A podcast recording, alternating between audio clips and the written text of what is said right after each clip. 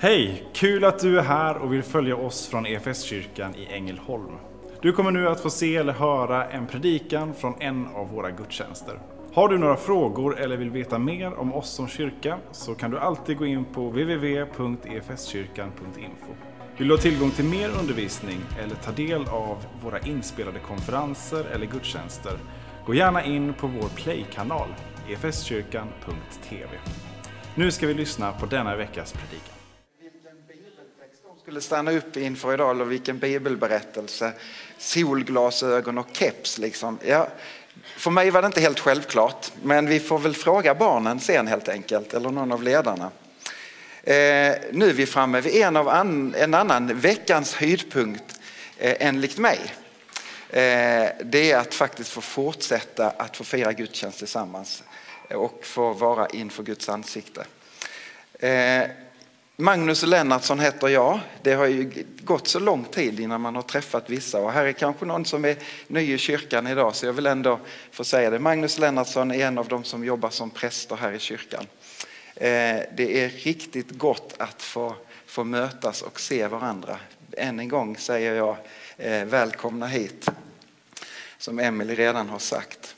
Jag skulle vilja börja idag att få ställa några retoriska frågor som du kan få svara tyst för dig själv inombords. Eh, men frågan kan lyda så här. Har du själv burit på eller kanske du rent av bär på någonting i ditt liv som du skulle vilja bli av med, som du skulle vilja slippa? Har du erfarenhet av att be till eller kanske rent av ropa till Gud med en önskan om hjälp? Kanske för din egen skull eller kanske för någon annan i din närhet eller någon som du har slått följe med. Har du haft eller har du en längtan efter helande i ditt liv eller i någon annans liv? Frågor som kan slå an olika i oss men någonstans tror jag anar att vi alla kanske svarar ja på de här frågorna. Vi kommer nu några söndagar i höst få stanna upp inför eller utgå ifrån några titlar eller begrepp kring vem Gud är som vi hittar i Moseböckerna. Tre olika begrepp som, som beskriver Guds karaktär eller talar någonting om vem Gud är.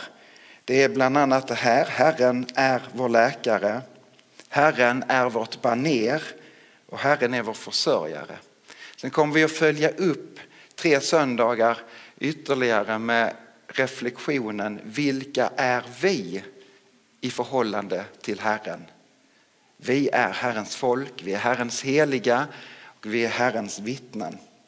Men idag ska vi få starta med detta. Herren är vår läkare.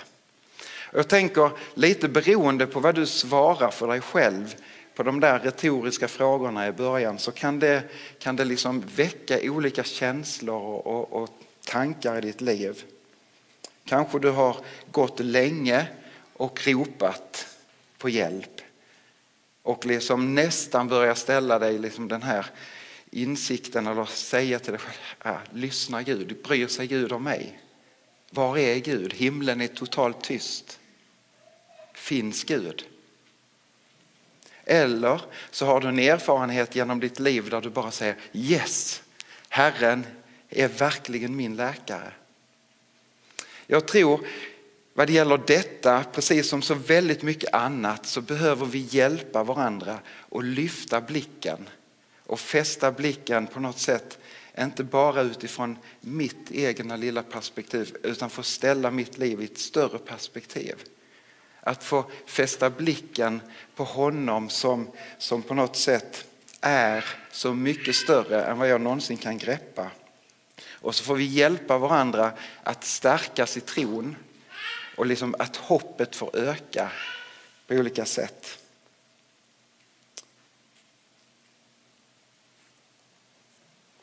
Vi ska idag få ta, ur, eller ta språng utifrån ett tillfälle som vi kan ta del av i, i Andra Mosebok. Och det är när Israels folk har precis befriats från fångenskapen i Egypten.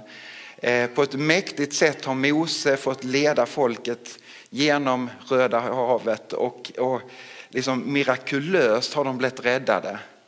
På ett sånt sätt så att jag tänker att de kommer ju aldrig någonsin att ifrågasätta Gud eller tappa tilltron till Guds omsorg. Det måste vara helt omöjligt efter sådana under och tecken som de har fått se. Och så i alla fall tre dagar så leder Gud folket ut i öknen, mitt ut i öknen. Och vi kan läsa hur de får gå den här vandringen utan att de finner någonting att dricka. Vad blir man efter tre dagar i öknen gåendes, hettan? Är det någon som kan gissa? Ja, man blir törstig. Och så kommer de fram till en liten oas, en liten källa. Eh, och där växer väl liksom hopp. Ah, äntligen, liksom, de rusar fram. Och så börjar de skopa upp och så känner de det här vattnet kan vi inte dricka för det är bittert. De har kommit till Mara som just betyder bitterhet.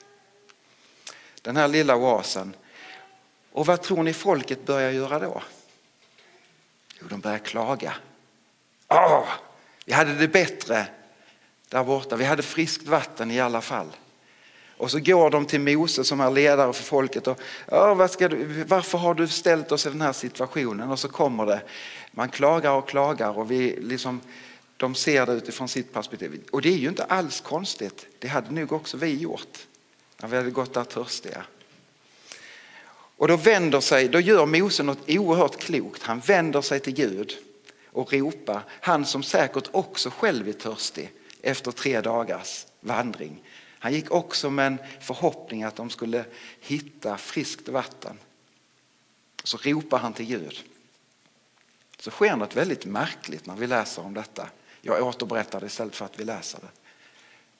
Gud pekar på en träbit som ligger där, eller något trädslag som, som finns där i närheten. Och så, så är det som att han viskar till Mose, Mose ta den där träbiten och lägg i källan eller i brunnen. Så gör han det. Märkligt. Men han gör det. Och så sker undret. Vattnet blir sött så att de kan dricka det. Och där i det ögonblicket så talar Herren till Mose och också till folket. Vi kan läsa från andra Mosebok 15 och vers 26. Han sa om du hör Herren, din Guds röst och noga lyssnar till hans bud och håller alla hans stadgar så ska jag inte lägga på dig någon av de sjukdomar som jag la på egyptierna. För jag är Herren, din läkare. Så manar Gud folket till omvändelse, att stå fast vid att Gud är den som leder och, och på något sätt ha en tilltro till honom. Och så slår han fast detta.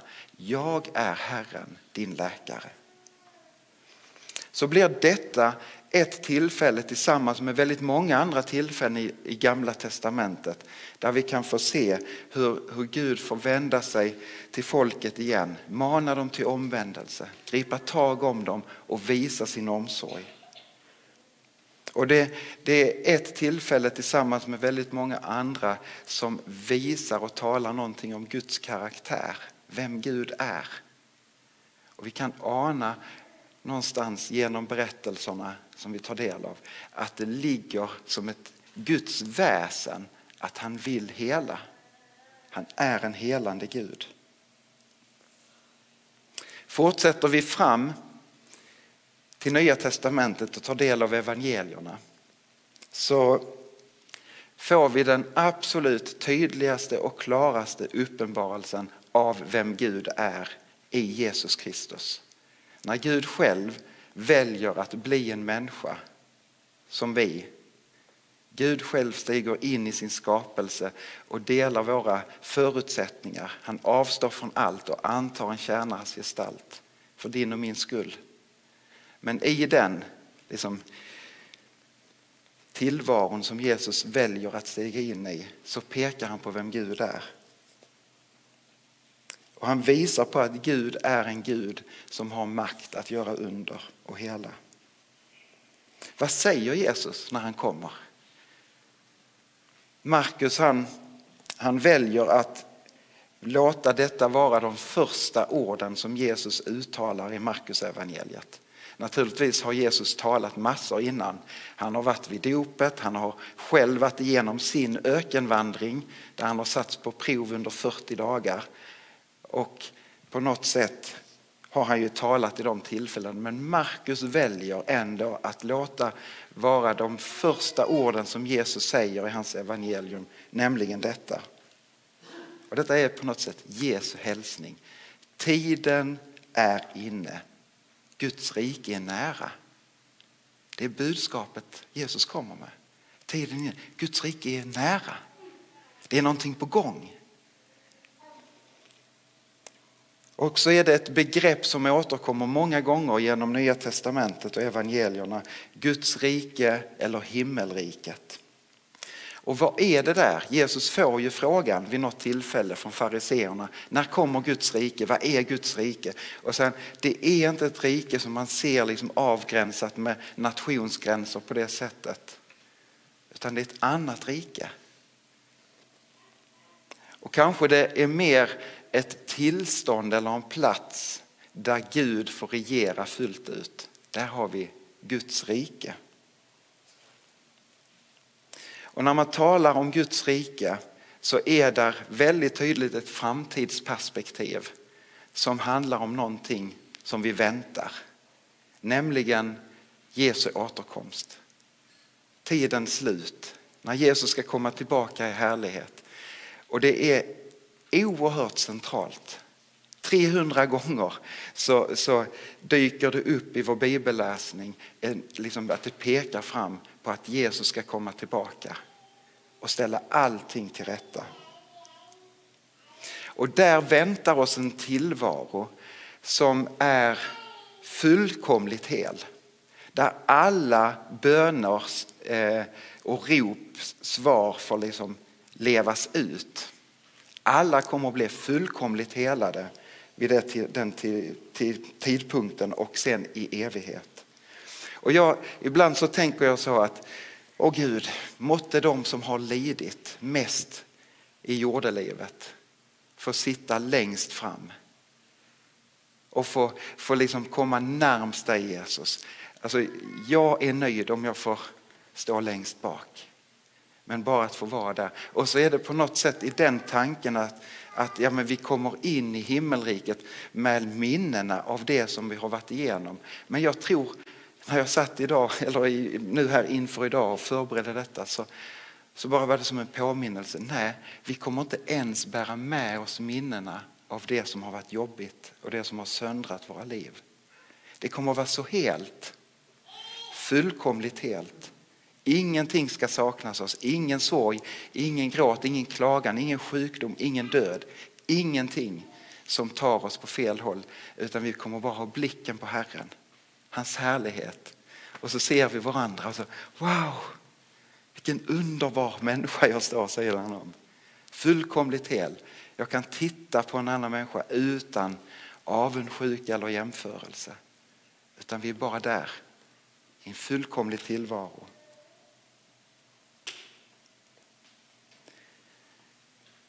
Guds rikes perspektivet har det här framtidshoppet. Men det har också ett perspektiv här och nu. Jesus han, han svarar ju fariseerna när de kommer med den här frågan. Vad är Guds rike och var är det och när kommer det? Och så svarar han Guds rike är här, mitt ibland oss. Guds rike är inom er. Och så börjar han tala om det som är en gåva ifrån himlens Gud. Att i tron på Jesus Kristus flyttar Gud in genom sin heliga ande i mitt liv. Helt och fullt. Och jag tror att vi behöver försöka förstå vår tillvaro inte bara som en, vad ska säga, en linjär tidslinje där vi, där vi tänker att nu är det den här tidens eh, förutsättningar och sen så kommer en annan tidsålder där allt kommer att vara fullkomligt. Det är ganska tydligt ett judiskt sätt att tänka. Att vi lever i denna tidsåldern, de väntar Messias och efter Messias så kommer det vara fullkomligt helt. Och vi lever ju också med den, när Jesus kommer tillbaka, då kommer vi att få uppleva den här fulla tillvaron. Men det är, tänker jag, snarare så här att det är som att Guds rike, himmelriket, har redan slått ner i vår tillvaro med full kraft. Med full auktoritet att det här är giltigt i och med Jesus Kristus. I Jesu Kristi död och uppståndelse så har Guds rike slått ner i vår tillvaro och det får påverkan in i våra liv hundraprocentig giltighet här och nu. Men vi väntar på Jesu återkomst. Där allt kommer att vara fullkomligt. Och så är det som att de här tidslinjen är ju linjär naturligtvis. Bibeln är ganska tydlig med det, att en gång så startade tiden i skapelsens morgon eller begynnelse och en dag ska tiden ta slut. Och vad handlar det om? Jo, att Jesus kommer tillbaka och skapar ny himmel och ny jord. Nya och hela förutsättningar. Men så är det som att i det här spannet från Jesu död och uppståndelse till dess han kommer tillbaka så är det som de här tidsperspektiven eller epokerna ligger parallellt med varandra. Så det är ibland så använder man det här begreppet att redan nu har vi fullt tillträde till allt vad himlen har att bjuda på. Men ännu inte fullt ut. Redan nu, men ännu icke. Och jag tänker att även om det har glimmat till under gamla testamentets berättelser, men från det att Jesus steg ner på jorden, han dog och uppstod och lät sin ande flöda över hela Guds folk, så har det intensifierats av att vi får se att himmelriket och det som det hör till glimmar till allt mer. Men detta gör också att vi lever i ett tidsspann där vi också många gånger ropar till Gud. Varför gör du ingenting? Varför möter du inte i min bön? Varför ska jag behöva vänta? Varför kan inte det glimma till i mitt liv? Samtidigt som vi kan höra någon som säger, åh vad det har glimmat till i mitt liv.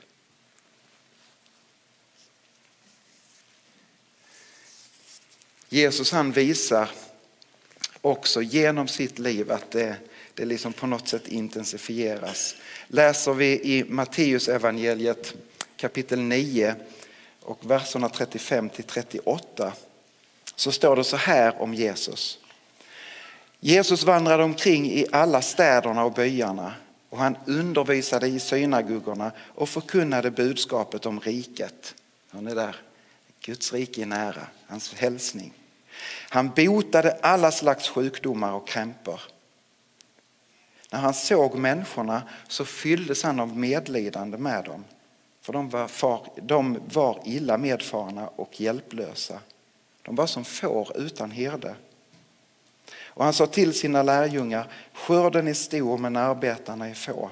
Be därför skördens herre att han sänder ut arbetare till sin skörd. Jesus han botar och helar. Och, och ett av många, många tillfällen där vi får se att Jesus visar på vem Gud är. Gud är en helande Gud.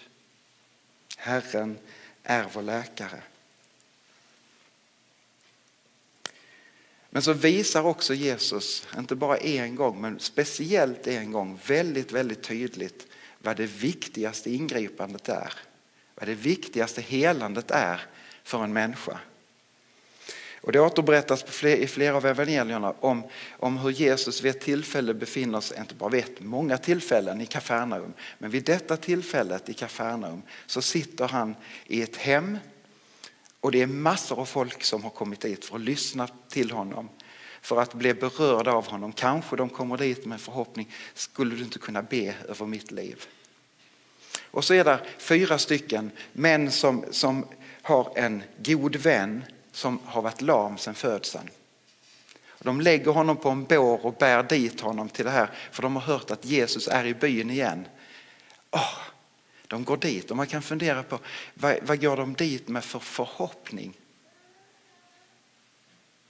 När de kommer fram till huset så är det, är det så knökafullt så de kan liksom inte tränga sig igenom utan de klättrar upp på taket och river upp liksom, eh, teget eller, eller tak, takkonstruktionen där så att de kan hissa ner båren och båren hamnar precis mitt framför Jesus.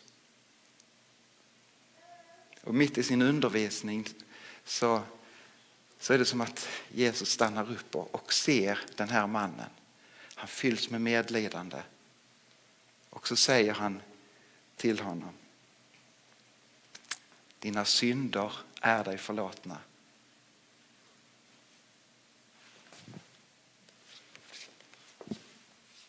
Vad sa han? Tänker de uppe på taket. Va? Vi, vi, vi vill ju att han skulle bli helad. Alltså föds det en känsla av besvikelse hos de här männen på taket. Kanske hos den här mannen som ligger på båren. Vad vet jag? Men jag tror och tänker att de går dit med en förhoppning om att Jesus ska hela honom. Och så är det kanske precis det Jesus gör och pekar på det allra viktigaste i den människans liv. Nämligen att få sitt liv i ett rätt förhållande till Gud.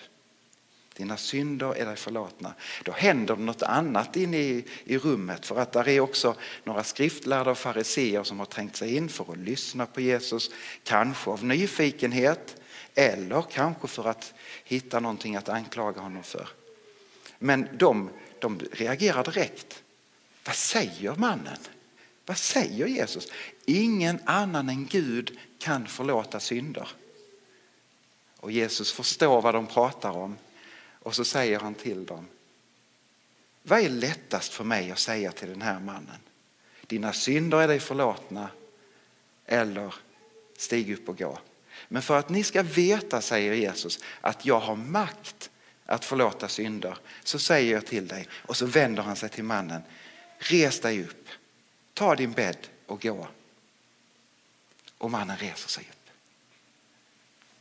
Oj, de där uppe, ja, kanske, jag vet inte. Ett heligt möte. Han går ut och folk liksom tappar hakan. Vad gör Jesus? Jo, han visar att han är Gud. Han har makten att förlåta synder. Och han visar på Guds karaktär. Jag är en helande Gud. Jag vill helande.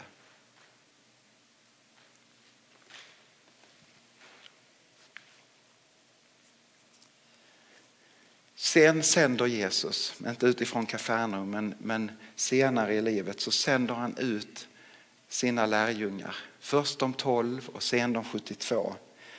Och han säger till dem just detta, förkunna för folket att Guds rike är nära, himmelriket är nära. Och be för de sjuka, bota de sjuka. Be för de som har dött, be för alla de som ni möter och sträck vidare och ge som gåva det som du själv har fått som gåva. Sträck evangeliet vidare. Så kan vi sitta här idag och tänka, ja, det hände kanske på Bibelns tid. Det kanske var knutet till apostlarna, men händer det idag? Hela Gud idag? Låter vi Bibeln själv svara på det? Så kan vi säga att att Bibeln säger tydligt att Gud är densamma genom alla tider, från evighet till evighet. Vi kan också bära med oss detta att Bibeln talar om pingsten som att Gud har gett varje människa som är troende på Jesus Kristus Gudsriket inom oss. Vi bär samma ande som faktiskt uppväckte Jesus från de döda. Samma ande som verkade när Jesus helade människorna han gick fram i Israel och där runt omkring. Så att Guds rike är inte längre begränsat till vissa platser eller vissa profeter eller vissa kungar eller vissa präster utan det här ligger som en gåva rakt in i hela kyrkan, hela Guds folk. Jesus säger också så här. Den som tror på mig, han ska utföra gärningar som jag och till och med större. Men låter vi också kyrkohistorien ge svar på den där frågan, hela Gud idag? Så kan vi faktiskt med våra frågeställningar om varför händer det inte oftare ändå svara på, ja, det händer idag. Vi fick förra söndagen höra ett fantastiskt vittnesbörd från Ingrid som, som delade att hon efter, som jag uppfattade ändå, större delen av sitt liv hade levt med en, en skada i, i sin kropp och där hon fick vara med om ett helande. Så hon hade gått i förbön hur många gånger som helst. Och det hände ingenting och det hände ingenting och väntan var där och nästan så att man hade gett upp hoppet av den här förbönstillfället. Det handlar inte om mig. också plötsligt händer det. Vi har också, många av oss, fått möta en kvinna i den här församlingen som vi under många år fick lära känna som en person som var i mångt och mycket bunden till sin rullstol. Och som en söndag stegade upp för de här trapporna och berättade om att jag är helad, jag kan gå. Hon har parkerat rullstolen, som jag förstått det. Och så kan vi säkert få dela många vittnesbörd om att Gud faktiskt griper in också i vår tid. Och tänk om vi kunde lyssna på de där vittnesbörden så att de inte slår ner oss. Att ja, men varför händer det inte i mig? Utan att det snarare lyfter med en förhoppning och en tilltro till att Gud faktiskt också omsorg om mitt, om mitt liv. Så trots att det all, inte alltid sker, eller kanske i våra ögon för sällan sker så som vi hoppas och önskar när vi ber för varandra, så ska vi ändå, tänker jag, fortsätta att be till vår Herre som är vår läkare, som är en helande Gud. Också någonstans få vila tillbaka och falla tillbaka på det som den lame mannen i Kafarnaum fick erfara. Det djupaste och viktigaste ingripandet i mitt liv handlar om att försonas med Gud. Få ta emot förlåtelsen för det som står i vägen i mitt liv för att leva i ett rätt förhållande med Gud. Och det är knutet till det som hände en gång för alla på korset när Jesus dog. För din skull och för varje människas skull. Och när vi ber vår syndabekännelse som vi ska göra nu alldeles strax inför att vi får fira den heliga måltiden så är det som att vi vänder oss till Gud och faktiskt ber om ett helande. Hela mig Gud. Du min läkare, hela mig. Och det är inte förankrat i om du håller måttet eller om du liksom förstår allting rätt, har all kunskap eller ingen kunskap alls. Det är bara knutet till Jesu död och uppståndelse. Och han skänker hela sitt liv med allt vad det innebär. Han skänker det som en gåva in i ditt liv. Som kyrka är det en glädje att få spela en liten roll av allt Gud gör i och genom ditt liv. Vi vill gärna fortsätta följa dig på den resan. Och vill du ta reda på vad ditt nästa steg kan vara på din resa med Gud så gå in på efskyrkan.info nästa steg. Vår längtan är att få se människor och samhällen förvandlade av Jesus. Genom en kyrka som återspeglar Guds hjärta, bär varandra och betjänar människor varhelst vi befinner oss varje dag.